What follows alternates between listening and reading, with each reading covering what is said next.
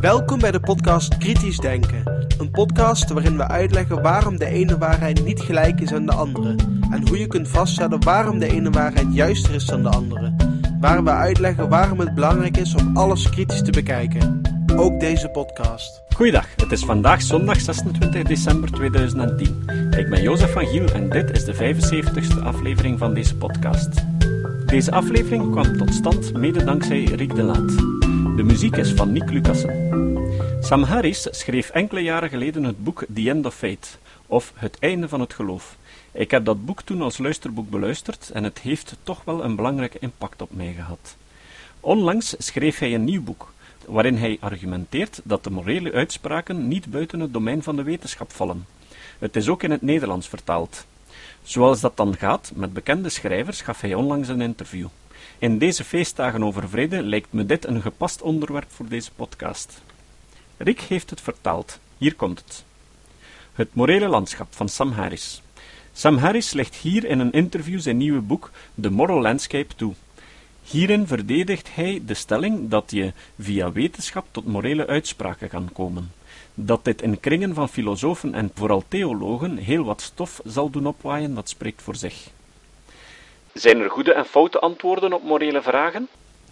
Moraliteit moet op een bepaald niveau betrekking hebben op het welzijn van bewuste wezens. Als er voor ons meer en minder effectieve manieren zijn om geluk te zoeken en ellende te voorkomen in deze wereld, en die zijn er duidelijk, dan zijn er goede en foute antwoorden op vragen over moraliteit. Wil je zeggen dat de wetenschap dergelijke vragen kan beantwoorden? Ja, in principe. Welzijn van de mens is geen willekeurig fenomeen. Het hangt af van vele factoren, variërend van genetica en neurobiologie tot sociologie en economie. Maar het is duidelijk dat er wetenschappelijke waarheden zijn te kennen over hoe we kunnen gedijen in deze wereld. Waar we van invloed zijn op het welzijn van anderen, zijn vragen over moraal van toepassing. Maar kunnen morele claims niet met elkaar in conflict zijn? Zijn er niet veel situaties waarin het geluk van een persoon het lijden van een ander betekent? Dat kan. We noemen dat zero-som gevallen. In het algemeen echter zijn de meest belangrijke morele aangelegenheden niet van deze soort. Als we oorlog, nucleaire proliferatie, malaria, chronische honger, kindermishandeling enzovoort zouden kunnen elimineren, dan zouden deze veranderingen per saldo voor iedereen goed zijn. Er zijn zeker neurobiologische, psychologische en sociologische redenen waarom dit zo is. Dat wil zeggen dat de wetenschap ons precies zou kunnen vertellen waarom een verschijnsel als bijvoorbeeld kindermishandeling het menselijk welzijn vermindert. Maar we hoeven niet op de wetenschap te wachten om dit te doen. We hebben zeer goede redenen om te geloven dat het mishandelen van kinderen slecht is voor iedereen.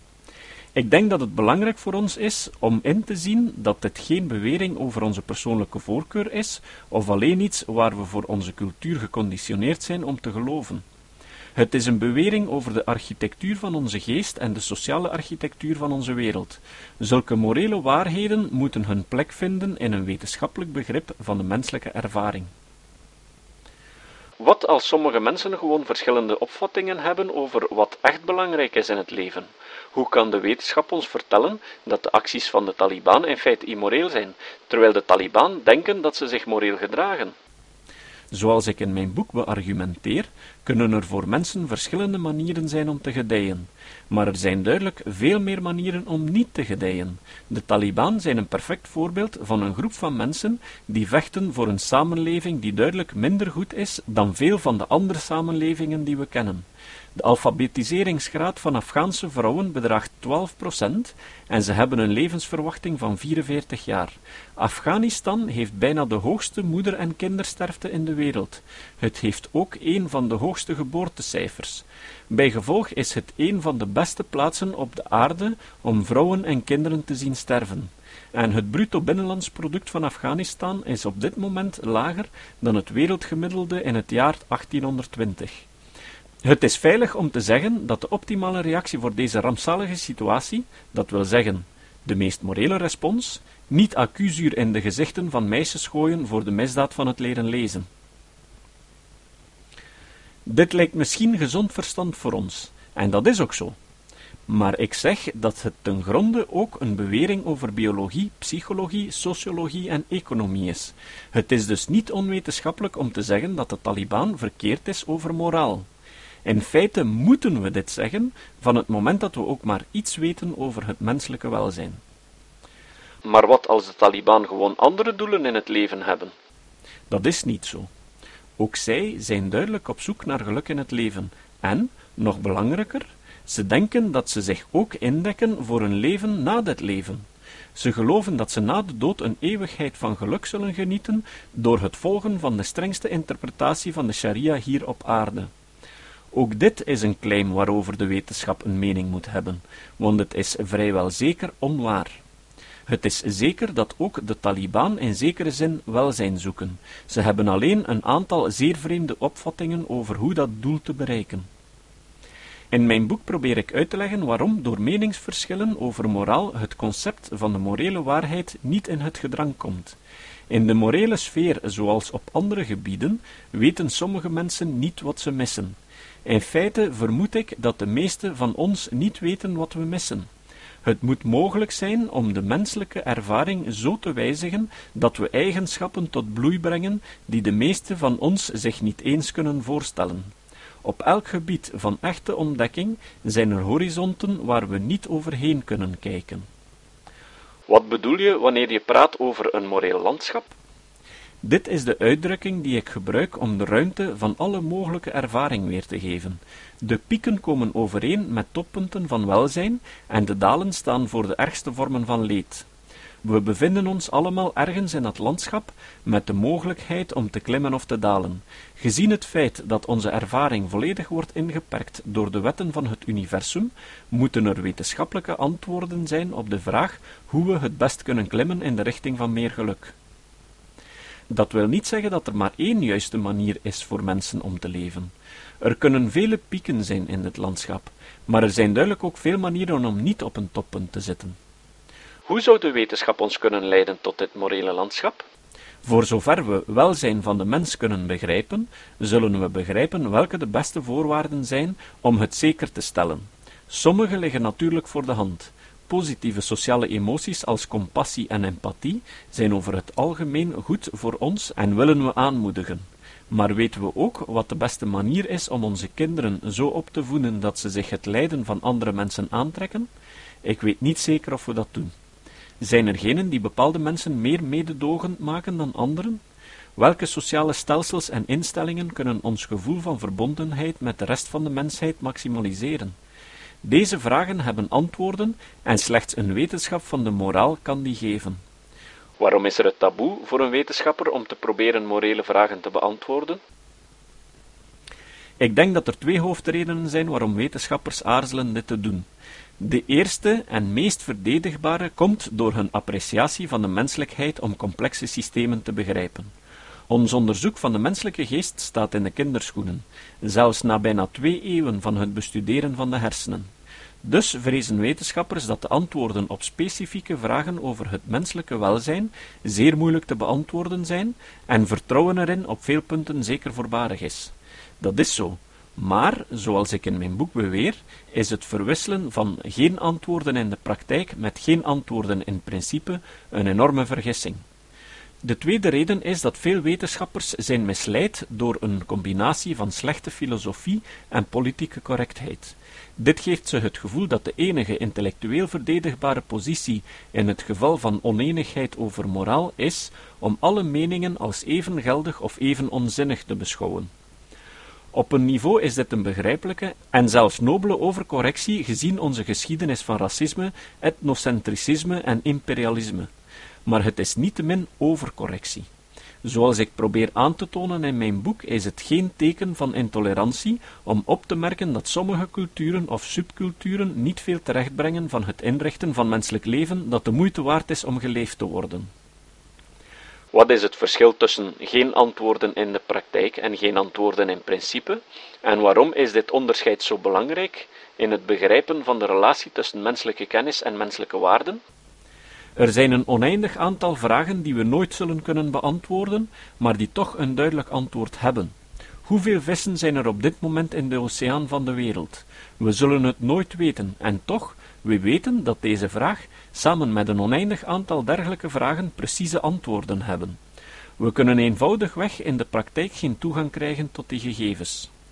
Er zijn veel vragen over de menselijke subjectiviteit en over de ervaring van bewuste wezens in het algemeen, die van dezelfde aard zijn. Wat veroorzaakt meer menselijk leed, stelen of liegen?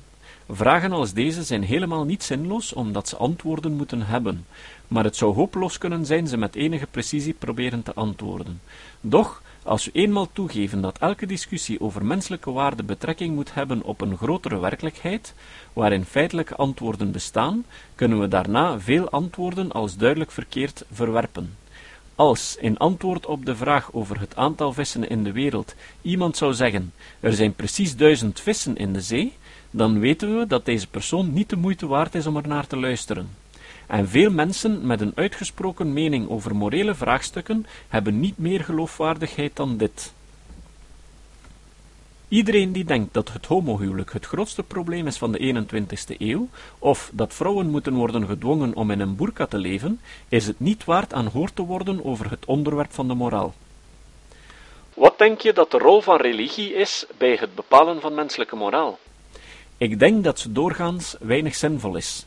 Religieuze ideeën over goed en kwaad hebben de neiging zich te concentreren op hoe welzijn in een volgend leven te bereiken, en dat maakt ze slechte gidsen om daarvoor te zorgen in het leven. Natuurlijk zijn er een paar juweeltjes te vinden in elke religieuze traditie, maar voor zover deze voorschriften wijs en nuttig zijn, zijn ze in beginsel niet religieus. Je hoeft niet te geloven dat de Bijbel werd gedicteerd door de schepper van het heelal, of dat Jezus Christus zijn zoon was, om de wijsheid en het nut van het volgen van de gouden regel in te zien.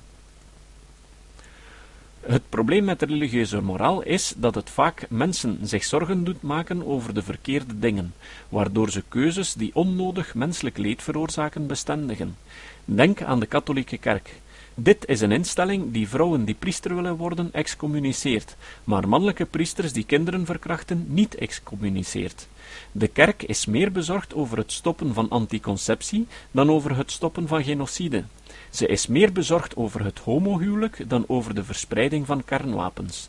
Wanneer we beseffen dat de moraal betrekking heeft op vragen van mens- en dierenwelzijn, kunnen we zien dat de katholieke kerk net zo verward is over de moraal als over de kosmologie. Ze biedt geen alternatief moreel kader aan, ze biedt een vals kader aan. Dus, hebben mensen geen religie nodig om een ethisch leven te leiden? Nee. En een blik op het leven van de meeste atheïsten, op de meest atheïstische samenlevingen op aarde, Denemarken, Zweden enzovoort, bewijst dat dit ook zo is. Zelfs de gelovigen halen niet echt hun diepste morele principes uit de religie, omdat boeken zoals de Bijbel en de Koran volstaan met barbaarse bevelen, die alle fatsoenlijke en verstandige mensen nu moeten herinterpreteren of negeren. Hoe komt het dat de meeste Joden, christenen en moslims tegen slavernij zijn? Je krijgt het morele inzicht niet van het schrift, omdat de God van Abraham het normaal vindt dat we slaven houden. Bij gevolg betrekken zelfs religieuze fundamentalisten veel van hun morele standpunten van een breder discours over de menselijke waarden dat principieel niet religieus is. Wij zelf staan borg voor de wijsheid die we vinden in de schrift. En wij zijn degenen die God moeten negeren als hij ons zegt mensen te moeten doden voor het werken op Sabbat. Hoe zal inzien dat er goede en verkeerde antwoorden bestaan over vraagstukken van mensen- en dierenwelzijn, de manier waarop we denken en praten over moraal veranderen?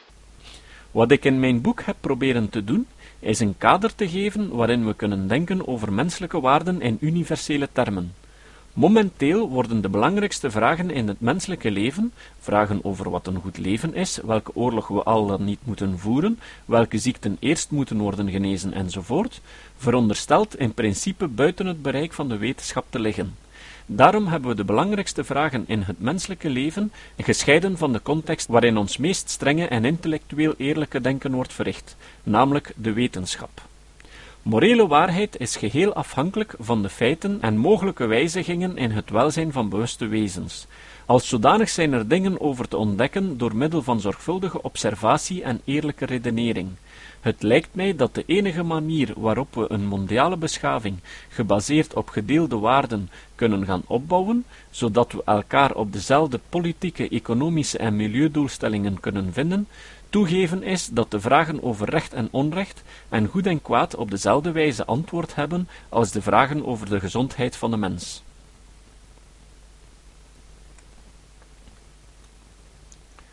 Opmerkelijk hoeveel mensen momenteel met deze problematiek bezig zijn.